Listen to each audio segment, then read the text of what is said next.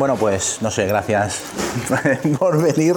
No, em, Luis no me ha aclarado en ningún momento muy bien qué es lo que tenía que hacer, entonces eh, viniendo en el tren ayer un poco por la noche tomé cuatro notas sobre cositas que quería decir sobre el juego. Lo primero que quiero decir para empezar es eh, decir en voz alta algo que creo que, que todo el mundo piensa pero nadie ha verbalizado nunca y es que, sobre todo en las películas del Señor de los Anillos, el ojo de Sauron parece un coño. Parece el coño de Sauron. Y es una idea que creo que alguien debería explotar, alguien debería hacer una, una, una adaptación de los Anillos en las que en vez de, de- de un ojo fuera un, un coño en llamas, porque es una imagen mucho más poderosa, yo creo que da mucho más miedo. O sea, la, la compañía de Anillo no se le hubiera ocurrido a Mordor si hubieran sabido que había un coño allí en llamas eh, eh, amenazándoles. Un ojo, dices, un ojo que pues iremos allí y nos verá, vale, pero es un coño que se te va a comer, una cosa que da mucho más miedo. En general, Señor de los Anillos creo que le faltan coños, creo que le faltan ninjas, y creo que le faltan UCIs. O sea, si las tres películas fueran exactamente iguales, si los personajes llevaran UCIs, como las que lleva Stallone en, en, ¿cómo se llama aquella película? Cobra. eh, simplemente cambiando las espadas por UCIs, el tono de la, de la trilogía cambiaría absolutamente. Y es- yo creo que es algo que tendrían que explorar en algún, no sé si en películas, en algún juego o algo. En todo caso, a nadie le escapa la, importancia que ha tenido el Ser de los Anillos como la, posiblemente la obra de fantasía más, importante del siglo XX. Y de hecho, a, a pesar de que haya mucha gente que diga que son 1500 páginas de gente andando, pero te guste o no te guste, no se puede negar la importancia del Señor de los Anillos dentro del género. Y entonces era incluso extraño que no hubiera un juego que representara toda la trilogía de manera general. ¿no? Y se podrá decir que es muy difícil de representar y se podrá poner el ejemplo de otro juego parecido en cuanto a intenciones, que es ah, Star Wars Rebellion. Una de las cosas que se dice Star Wars Rebellion es que eh, es muy difícil resumir las tres películas en, en un juego de tablero que lo represente todo y tal. Es verdad, pero a ver, la Segunda Guerra Mundial, por así decirlo, es más difícil de representar, tiene más matices que El Señor de los Anillos o que La Guerra de las Galaxias. Y hay un montón de juegos sobre la Segunda Guerra Mundial. Y en cambio no había ninguno, o como mínimo no había ningún juego moderno que representara eh, la Guerra del Anillo en su totalidad. Sí que había juegos antiguos, esto, bueno, hice un vídeo hace poco donde lo comenté, había un par de juegos muy viejunos, uno que se llamaba War of the Ring de SPI, que es una empresa de los años 70, que representaba eh, toda la guerra del anillo, aparte con las dos vertientes, la vertiente militar y la vertiente de la compañía moviéndose en secreto. Era un juego, un wargame con hexágonos, fichas de cartón, etcétera, y estaba bien, yo no lo he llegado a jugar, lo, he visto jugar hace muchos años. El juego, según mm, me dijeron, tenía un problema y es que, o sea, estaba roto en el aspecto de que ah, si el jugador que llevaba la sombra acumulaba a, a- todos los Nazgûl a la entrada de Mordor y no hacía nada más durante la partida, cuando la compañía llegaba hasta allí era imposible cruzar. O sea, se llevaban una somanta de hostias que no pasaban ni para atrás. Entonces, claro, podías estar cuatro o cinco horas jugando la partida y al final todo se resolvía en una especie de paliza skin a la entrada de Mordor. O sea, el juego no, no acababa de funcionar. Y luego hay otro juego que este sí que lo jugué, que se llamaba Fellowship of the Ring, de Iron Crown Enterprises, que salió a principios de los 80. Iron Crown es la empresa que publicaba originalmente el juego de rol del Señor de los Anillos. Entonces hicieron un juego que apartaba toda la parte militar y se centraba en el avance de la compañía a- por la Tierra Media. Lo que pasa es que era, era un juego un poco extraño porque eh, se acababa al final de la primera novela, o se acababa cuando, cuando la compañía se, se disuelve. No sé exactamente por qué, no sé si que tenían que haber hecho un par de juegos más y, y como no funcionó no los hicieron, o si no sabían cómo resolverlo, decidieron que el juego llegara hasta allí, no, no sé exactamente por qué. Pero era un juego que tenía algunos puntos en común con Guerra del Anillo, tenía mucho el rollo del bluff de la compañía intentando engañar a la sombra, tenía un sistema de dados que era súper original, eh, todos los personajes y, la- y las unidades del juego estaban representados con dados de seis caras, y dependiendo de la cara que había boca arriba, te indicaba si era un personaje de verdad, si era un rumor, si era un rumor falso. Entonces, era un juego bastante innovador y yo creo que los diseñadores de Guerra del Anillo, eh, no sé si lo usaron como germen, pero estoy seguro que lo, lo tenían más o menos, más o menos presente. Eh, bueno, los diseñadores de Guerra del Anillo son unos italianos que nunca me acuerdo los nombres, Roberto Di Meglio, Marco Maggi, Francesco Nepitello. Eh, fue su primer diseño importante, su primer juego más o menos diseño importante, lo diseñaron muy rápido, lo hicieron, las reglas básicas creo que las hicieron en dos o tres meses, como mucho, y luego estuvieron, eso sí, más de un año haciendo pruebas hasta acabar de afinarlo. En la época se estaban haciendo a la vez varios juegos sobre esta misma temática, supongo que llevados por la, por la fama de las películas, que habían vuelto a poner el tema eh, en primera línea, estamos hablando de principios de los 2000, y eh, el diseño de, estos tres italianos fue, incluso en, la fase de, proyecto, de prototipo, ya era el que tenía mejor pinta de todos. Entonces, el juego, mm, una editorial adquirió los derechos muy rápido para publicarlo. El juego es, a ver, si entráis en Board Game Geek, yo entré ayer a mirar y está en, juegos temáticos, creo que está el número 2, en la lista de Wargames está el número 3 y en la lista de juegos en general creo que está el 13 o el 14. O sea, se da una idea de, lo bien parido que está el juego. ¿no? El juego es, una, es, es un encaje de bolillos. Y esto es más sorprendente todavía cuando sigues un poco la, carrera de, estos diseñadores, porque el resto de juegos que han hecho em, son bastante irregulares. O sea, tienen, yo he jugado y he traducido, porque los, los traduje para Debir, tres de estos juegos, que son La Brújula Dorada, que es un desastre de juego, es una catástrofe. En la era de Conan, que es un juego muy desaprovechado, o sea, con el personaje de Conan y con la era Iboria se podía haber hecho un juegazo de narices y es una especie de Axis Analyze muy neutro que si le quitas el tema de Conan realmente nadie se entera y que Conan se pasea por allí haciendo cosas y tú lo puedes contratar para que te ayude, pero sabes no tienes ningún feeling de que aquello sea un juego de Conan, es como una oportunidad perdida. Y luego también hicieron otro eh, sobre superhéroes Marvel que la idea era buenísima, grupo de superhéroes y completando misiones contra un villano que lo lleva, lo lleva al sistema de juego y tal, pero eh, era un lío de reglamento tremendo. Hasta el punto, yo me acuerdo que cuando lo estaba traduciendo, estábamos todos los, porque el juego se publicó a la vez en varios idiomas, entonces lo estábamos traduciendo todos los traductores y nos íbamos enviando mensajes unos a otros en plan, esta regla no la entiendo, esto cómo funciona, y aquello llegaba a los diseñadores y cambiaban las reglas sobre la marcha. Y nos reenviaban reglas para que las retradujéramos entonces no me extraña que luego el reglamento fuera el guirigay que fue aquello. De hecho, hay muchos fans del juego de, del juego de Marvel que tienen tantas ganas de que funcione que han publicado reglamentos alternativos y en Board Geek te los puedes descargar y según parece funciona mucho mejor que el reglamento, que reglamento original. Entonces, sé que luego han hecho juegos que yo no he probado y que están bastante mejor. Hicieron un juego, el Anillo Único, el juego de rol, que todo el mundo dice que está bastante bien, que es una representación muy buena de la Tierra Media en, en rol, y también hicieron la Batalla de los Cinco Ejércitos, que utiliza un motor de reglas similar al de, al de la Guerra del Anillo y que seguramente es más desconocido de lo que merecería. Lo que pasa es que creo que las películas del Hobbit le hicieron bastante daño. O sea, creo que cuando salió el juego publicado, salió, no sé si en el 2012 o así, la gente estaba tan harta del Hobbit que el juego posiblemente no tuvo, no tuvo lo que merecía.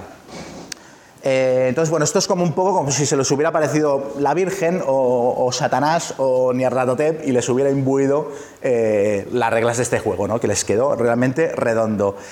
Guerra del Anillo es, aunque mm, se vende por lo general como juego temático, es básicamente un wargame y es básicamente un wargame para, para dos jugadores, aunque se pueda jugar a tres y a cuatro. Ah, es un wargame asimétrico en el sentido de que hay, no es que los dos bandos funcionen con reglas muy diferentes, pero sí que están, eh, son lo suficientemente distintos en cuanto a, número de tropas y en cuanto a las cartas de evento de las que disponen, como para que los dos necesiten eh, jugar la partida de manera muy diferente y tengan objetivos de victoria muy distintos. No sé si todos conocéis el juego, si nadie de vosotros lo conoce. Bueno, eh, para ganar la partida básicamente los dos bandos tienen dos sistemas de victoria. Lo que pasa es que realmente el bando de, los pueblos libres mm, hay uno de los dos sistemas que no puede confiar demasiado en, intentar cumplirlo.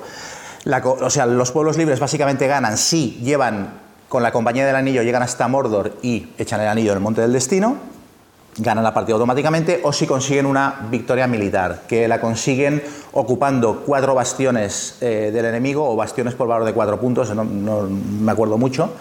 Pero vamos, si, si, conquista una serie de bastiones del enemigo, lo cual es muy difícil porque disponen de muy pocas fuerzas.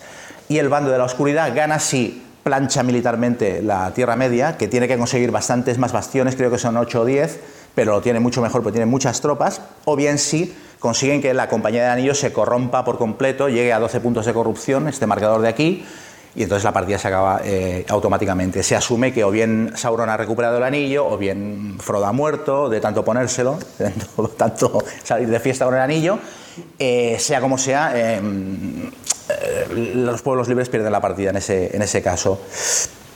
Ah, el juego funciona a, a tres niveles O sea, tiene el plano militar de Wargame, en el cual unidades se pegan en combates por toda, por toda la Tierra Media. Tiene el plano de, la Compañía del Anillo moviéndose en secreto, que es un juego como de, de, gato y el ratón, de bluff, entre el jugador de los pueblos libres y el jugador de la sombra que intenta localizarlo. Y luego tiene el plano político, que es el que está más marginado de los tres, pero que está hecho con mucha gracia. Y básicamente es que eh, aquí hay una serie de contadores eh, políticos que son de las, naciones implicadas en la Guerra del Anillo y los dos jugadores tienen que intentar que su bando avance hasta la casilla de guerra, a partir de la cual ya puedes utilizar tropas, puedes invadir al enemigo y tal, ¿no? Entonces, una de las labores que tiene que intentar hacer el jugador de los pueblos libres, más que nada para aguantar hostias durante el tiempo suficiente hasta que pueda llegar a Mordor, es activar a los pueblos libres para que entren en guerra. Entonces tienes que enviar emisarios, están, em, eh, casi todas las naciones están en modo pasivo, lo primero que tienes que hacer es pasarlas a modo activo y luego hacer que vayan avanzando por este track hasta que lleguen al estadio de guerra. Claro, llegan automáticamente si la sombra les, les, da de hostias. Cada vez que entran en combate con ellos, el track avanza una, casilla. Pero si quieres que avance más rápido, puedes enviar a personajes de la compañía de anillo, puedes enviar a Gandalf, a Aragorn, a mm, Boromir, a quien sea, para activar a, estas naciones. El juego funciona...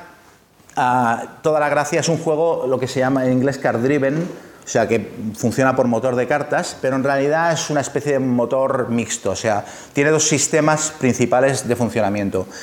El principal, el más importante son los dados de acción. O sea, cada turno eh, los dos jugadores tienen un número de dados, los pueblos libres tienen estos dados azules y el bando de la sombra tiene estos dados rojos, que tiene por lo general tiene bastantes más. Y entonces ambos bandos tiran sus dados y dependiendo de las caras de dado que hayan obtenido pueden llevar acciones durante el turno, se van turnando para llevar a cabo acciones. Y las acciones son todas las acciones que permite el juego. O sea, hay una cara del dado que te permite mover ejércitos o combatir con ellos, otra cara del dado que te permite mover personajes, que mover personajes puedes mover un ejército que acompaña a los personajes o puedes simplemente mover personajes para, llevar a cabo misiones, eh, puedes jugar cartas de evento, algunas de estas cartas te requieren un icono para poder ser jugadas, si te ha salido el icono puedes jugar la carta o puedes robar cartas de evento nuevas, ah, puedes hacer un montón de cosas. Y en concreto, el, bando de la sombra tiene un tipo de acción que es de las más importantes, que es la acción de, la acción de búsqueda que si no recuerdo mal es el, ojo del coño de Sauron, el ojo de Sauron. Eh, esta acción permite buscar a la compañía del anillo cuando se está moviendo por la Tierra Media y es una de las que marca más el, desarrollo de la partida. Y aparte de la acción de, o sea, de la, mecánica de las tiradas de dado de acción, está la mecánica de las, de las cartas. Las cartas, que hay dos mazos, hay el mazo de personajes y el mazo de, de ejércitos, si no recuerdo mal. Las cartas tienen eh, dos, cada una, la mayoría tienen, tienen dos, efectos, dijéramos. Un efecto que es más narrativo, que son básicamente reproduce eh, eventos o pasajes de, las novelas, eh, la llegada de las águilas, la activación de los ends, etcétera y que los puedes jugar gastando el icono que, te pide la carta y es una manera abstracta de representar todos los eventos que ocurren en, los libros sin tener que em, destinar una regla específica a cada cosa. O sea, mm, el juego es muy elegante y una de las cosas que más elegante tiene es que con pocos elementos representas todo lo que pasa en las novelas. Y la parte inferior de cada carta es eh, la parte táctica. Las puedes usar en las batallas para conseguir eh, ventajas adicionales, ¿no? para mm, conseguir repetir tiradas de dado, para conseguir refuerzos, etcétera, un montón de cosas. ¿Qué tiene el juego que lo haga tan especial, que lo haga diferente a los demás y que lo convierta para mí en un juego que mm, no ha sido superado? O sea, siempre digo que la Guerra del Anillo es el estándar contra el que se comparan todos los juegos similares que han salido después. De hecho, es un juego, la primera edición es del año 2006, me parece, y en el 2011-2012 se hizo una segunda edición que corrigió las numerosas erratas que tenía el reglamento, arregló un poco más el tablero para hacerlo un poco más intuitivo y cambió cosas cosas tan marginales como los Nazguls, que las figuras antiguas de Nazgul estaban montados en un, en un monstruo alado que estaba de, como de pie erguido, entonces se, se caían, porque no tenían suficiente peso, las miniaturas se caían. Y en la segunda edición los han hecho así en un, en un, en un monstruo alado encorvado y tienen mucho más aguante. O sea, que fueron tan, tan meticulosos como para cambiar este tipo de cosas también. Y luego también cambiaron las cartas, que las cartas de la primera edición eran de la mitad de tamaño que estas, con un tamaño de letra micro, y aparte tenían muchas erratas, generaban muchas dudas y en esta edición revisaron todas las cartas y las hicieron mucho más, mucho más claras. las cosas que para mí hacen especial el juego son muchas. La más importante es que es un juego súper inmersivo y súper narrativo. O sea, cuando lo estás jugando, estás realmente estás viviendo eh, ese de los Anillos. O sea, te olvidas de que estás, de que estás jugando. Estás absolutamente metido en, las novelas y en, el, desarrollo de la, de la guerra. Y lo que me gusta es que eh, la inmersión y la, simulación narrativa es una, prioridad absoluta a nivel de diseño, pero han sido lo suficientemente inteligentes como para no convertirlo en algo injugable. O sea, por ejemplo, en el mapa solo hay dos fortificaciones y las, fortificaciones tienen una reglita especial que afecta en los combates. Es una reglita que ocupa un párrafo, no es muy importante, pero los diseñadores consideraron que las fortificaciones en la novela eran lo suficientemente importantes como para estar representadas. Pero están representadas de manera muy somera, pero están. Entonces tienes sensación de que, de que aquello tiene un peso narrativo. Ah, luego, lo que os he dicho de las cartas, tienen mecánicas abstractas que representan los eventos del libro sin necesidad de eso, sin necesidad de dedicar una regla especial para los Ents, o para ella la araña, o para mm, un montón de, situaciones del libro.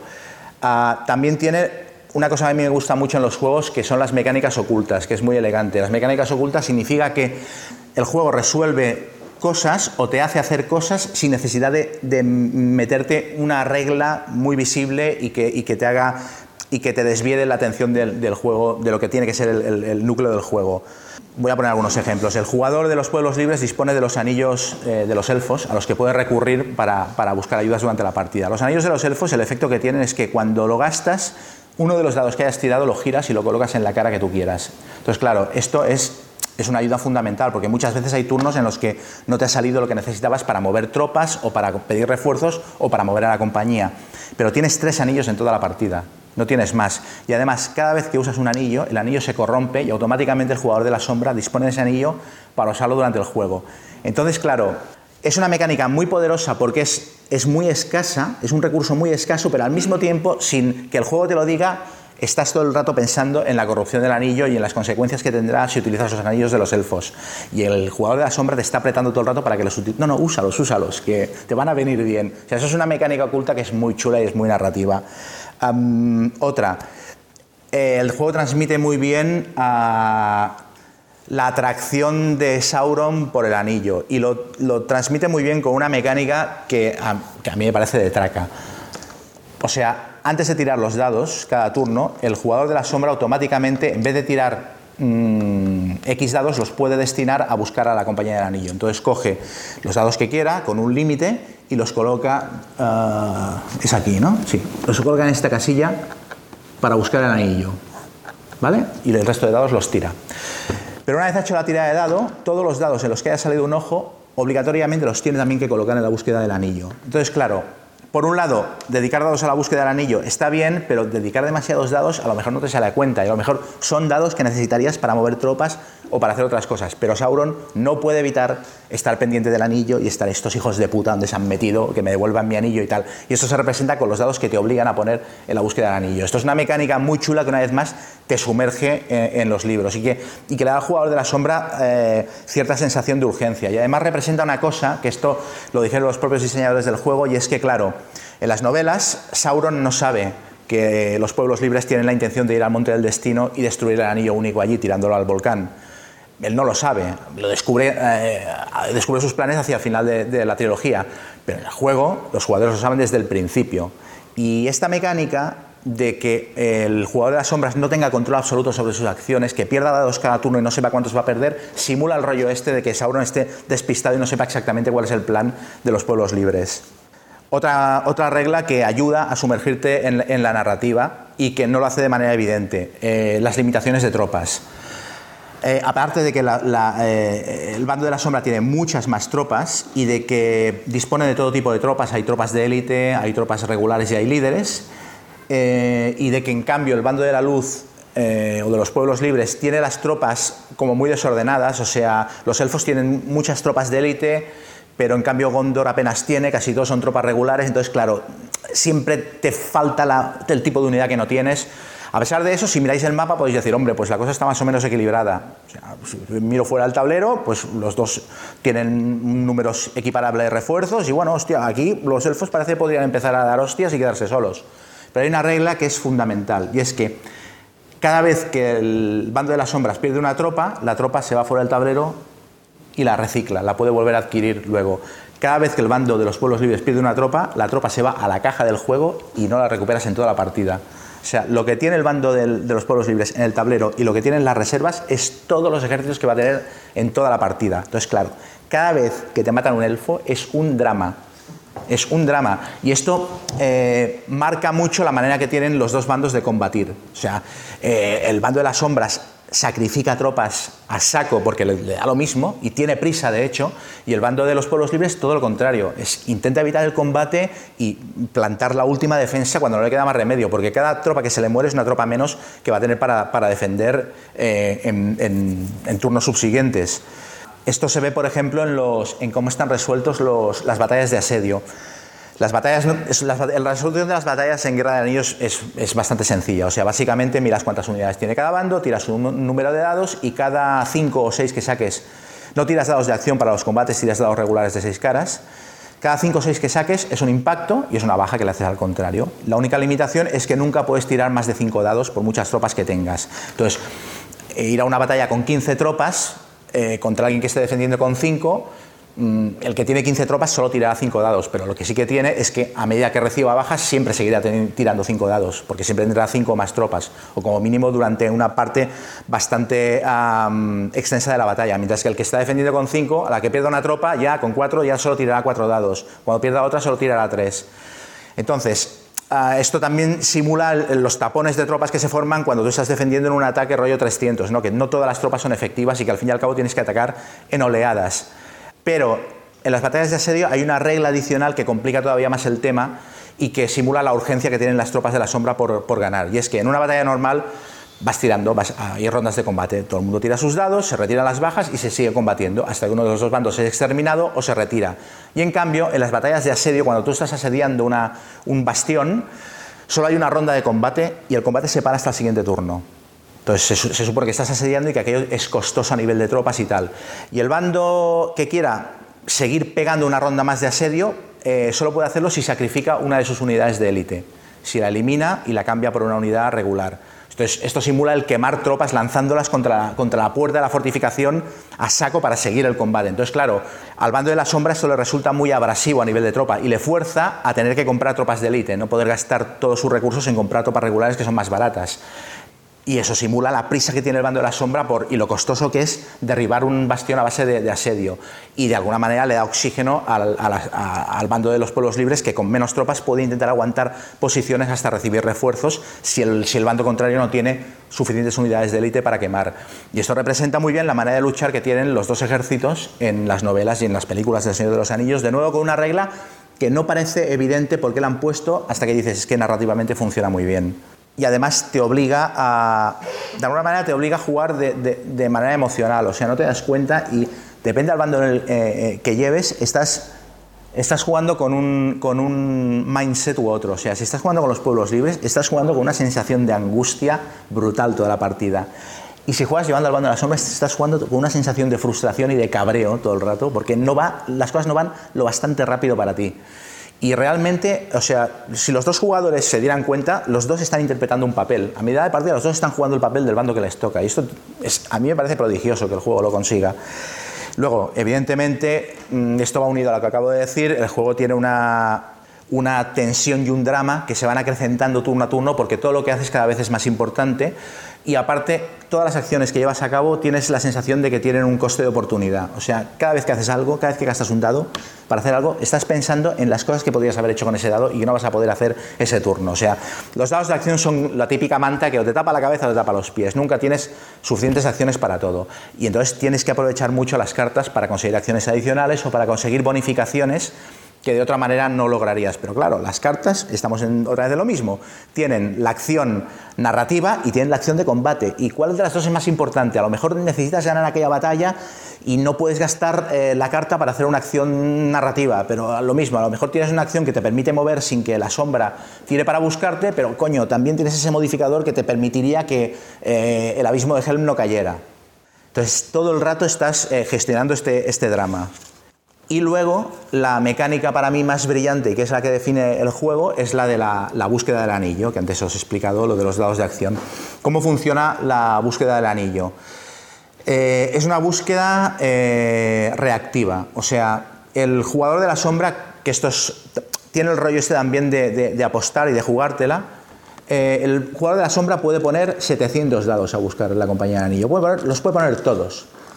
Pero si la compañía de anillo no se mueve, no hay tirada para buscar la compañía de anillo. Entonces, claro, el jugador de la sombra una vez más tiene que pensar, a ver, si busco a saco, este tío no se va a mover.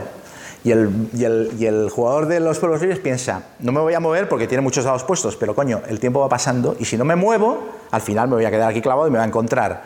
Entonces eso, hay una guerra de nervios de los dos bandos. Total, se colocan los dados que se coloquen y luego los dados que hayan salido adicionales por la, por la tirada. ¿no? Y cuando la compañía del anillo se mueve, tira un dado de seis caras por cada dado que haya colocado en la, casilla de búsqueda. Y si en alguno de los dados eh, que tira saca un 6, la compañía ha sido localizada.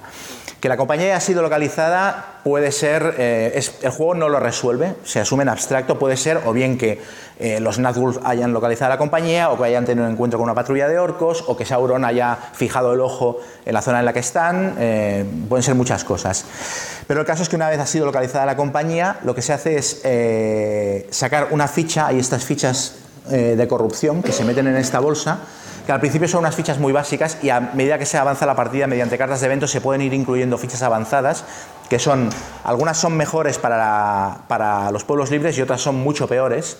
Los dos bandos tienen capacidad de, unir fichas a, la saca, pero el caso es que sacas una ficha y las fichas tienen, tienen dos componentes. Tienen un número y luego tienen una serie de simbolitos. Los simbolitos indican si la compañía es revelada o no y los números indican cuántos puntos de corrupción se come la compañía. Los puntos de corrupción simulan que Frodo no le queda más remedio que ponerse el anillo para escapar del peligro. Entonces, una vez se ha sacado la ficha, el jugador de los pueblos libres puede tomar la decisión de comerse los puntos de corrupción o bien de intentar parar la hostia. Y la hostia la puede parar jugando una carta de evento que le frene la corrupción que iba a ganar o bien sacrificando a un miembro de la compañía que esto es Boromir tocando el cuerno y, comiéndose las flechas de los orcos para que los demás se puedan largar, por ejemplo, ¿no? O Gandalf en Moria parando al barro mientras los demás salen zumbando.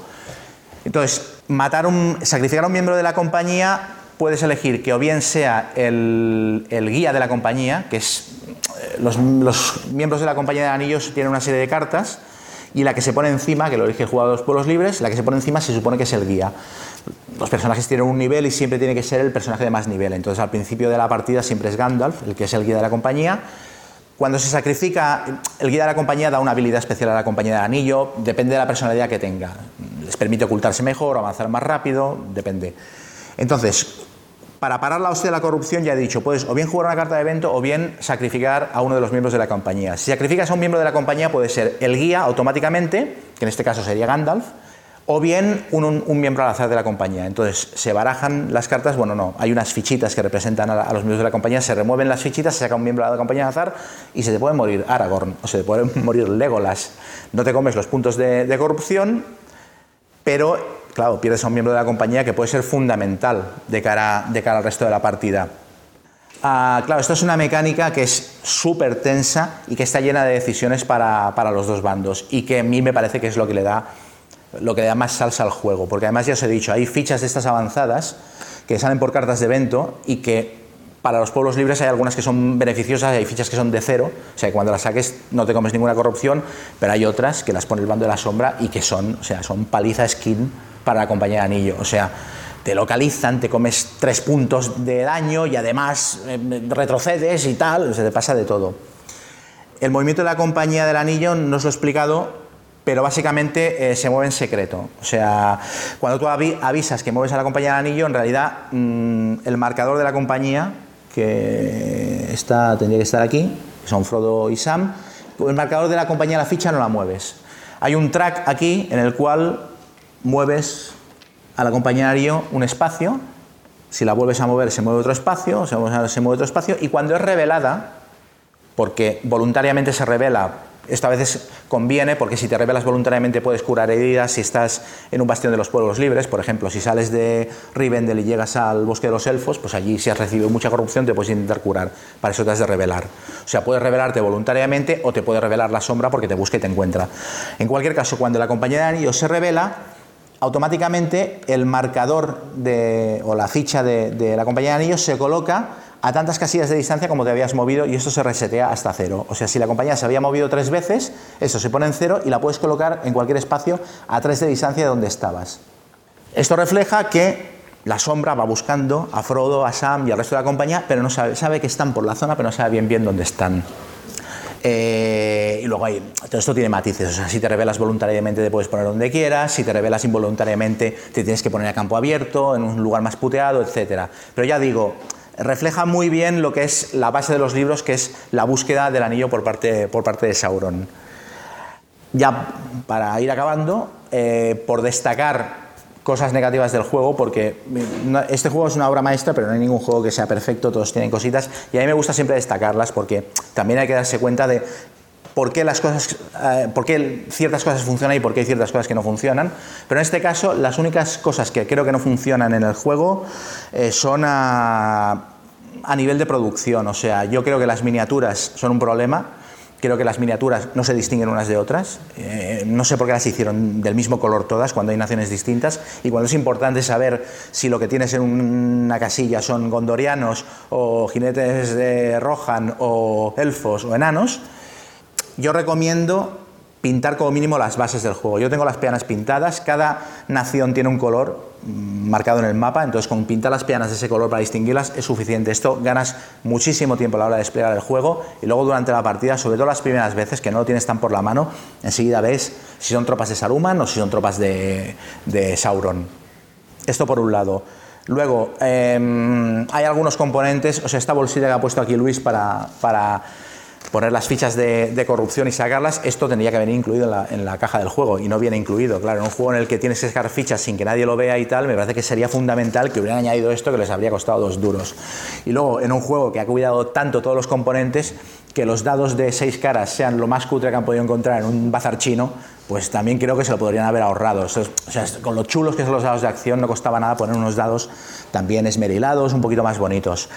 Pero aparte de esto, lo único negativo a nivel de reglas que puedo decir, y tampoco, es que el juego, como he dicho antes, es un juego de dos jugadores. O sea, jugado a tres o a cuatro es un postizo. Tiene unas reglas específicas, pero bueno. Mm, lo, importante es jugarlo a, a tres, yo no lo recomendaría tanto como a dos o a cuatro. Pero jugado a cuatro lo que gana es que es una fiesta. O sea, jugado en pareja con otro que lleve el mismo bando que tú, da lo mismo que uséis las reglas para cuatro jugadores o que lo llevéis todo entre los dos. Es muy divertido planificar, ver qué carta juegas, dónde movemos esto y tal. Es, una experiencia súper chula. O sea que en realidad, sí, el juego funciona mejor a dos, pero a cuatro es divertidísimo. O sea que tampoco puedo decir que esto sea, que esto sea una desventaja del juego. En resumen, eh, Guerra del Anillo me parece que es el juego definitivo sobre, sobre este tema. Hay otros juegos que están muy bien, hay el juego El Señor de los Anillos, el juego aquel que va por cartas, que es, eh, que es de, ¿Cómo se llama el diseñador? ¿Es de Nizia? Es de Nizia. Que está muy bien, pero es otro rollo. Es un juego colaborativo, eh, muy simplito, pero un juego que te... El cooperativo. Sí, este. Sí, sí, está, muy bien, pero... Y el, y el, juego de cartas El Señor de los Anillos de, de Edge está muy bien también, pero un juego que te meta en las novelas y que te haga vivir la sensación de estar jugando a las novelas y que te olvides que, las estás jugando, que las estás jugando, yo no conozco otro como este. el otro día vi una, vi una reseña cuando estaba, sí, este, el de, el de Reiner Nietzsche. Este, este es el juego clásico, este es uno de los primeros que salió como juegos de, la era moderna sobre el Señor de los Anillos. Es un juego que está muy bien, pero es muy abstracto y no, en realidad no tienes la sensación de estar jugando a las novelas. Es como, tienes la sensación de jugar pasajes muy concretos de las novelas. Pues el otro día estaba viendo una, estaba preparando la, la, la videoreseña que hice de Guerra del Anillo, estaba viendo otra reseña de otro tío y el tío decía que Guerra del Anillo tenía un factor que era muy chulo, que es el factor eh, de, tirar dados de pie. O sea, dicen, en todas las partidas de Guerra del Anillo que he jugado, los jugadores no se dan cuenta, pero la última media hora la juegan de pie. La juegan de pie, inclinados encima de la mesa, tirando dados, me cago en la puta, tal, ¿no? Y esto te indica hasta qué punto el juego te mete dentro de la, de la película o de la novela que estás viviendo. Es un juego, es, es, es uno de mis top ten, o sea, es, han pasado años, sigue sin superarse. Se han hecho juegos más modernos. Si este juego se hiciera hoy en día, creo que habría cosas que se harían diferente porque hay cosas en cuanto a downtime, o sea, la espera entre turnos, que hoy en día la gente no tiene tanta paciencia. Es un juego de la época anterior a los juegos supermodernos que tenemos ahora. Es uno de los juegos que abrió la puerta, año 2006. Pero yo no le tocaría ni una coma. O sea, me parece una obra maestra y es un juego que es verdad que sale pocas veces a mesa a lo largo de un año porque cuesta mucho de montar. Es un juego de tres horas y pico por partida. Pero cuando lo estás jugando, la experiencia no la cambias por nada. Y de hecho, eh, creo que esto es un problema de cara a las expansiones del juego. O sea, yo tengo la primera, la de Señores de la Tierra Media, la expansión de las tres R's, y no la he jugado nunca porque me la compré, me la leí y dije, qué bonito todo. La metí en la caja y a la estantería, porque es que el juego me parece tan redondo que meterle cualquier cosa que lo cambie me parece que es estropearlo. Y una de las cosas que lleva la expansión es una variante para jugar mmm, partiendo de la base de que no todos los miembros de la compañía del anillo están con la compañía, Aragorn está por ahí, etc. Y sí, está muy bien para jugar una variante, pero claro, como el juego cuesta tanto jugarlo, esto lo dije en el vídeo, cuando lo juegas quieres jugar las novelas, quieres jugar la versión oficial y acabas jugando, yo siempre acabo jugando, volviendo a la versión estándar del juego. Ahora se va a publicar una segunda expansión y no sé lo que llevará, yo me la compraré, pero me la compraré por coleccionismo. Dudo que, que incluya algo que me haga mejorar la experiencia de lo que es el juego básico. O sea que, mmm, de verdad, o sea, no perdáis ocasión de jugarlo porque es que es, es una experiencia que no se puede comparar a muchos otros juegos. Te mete en, en, en las novelas por completo. Y ya está.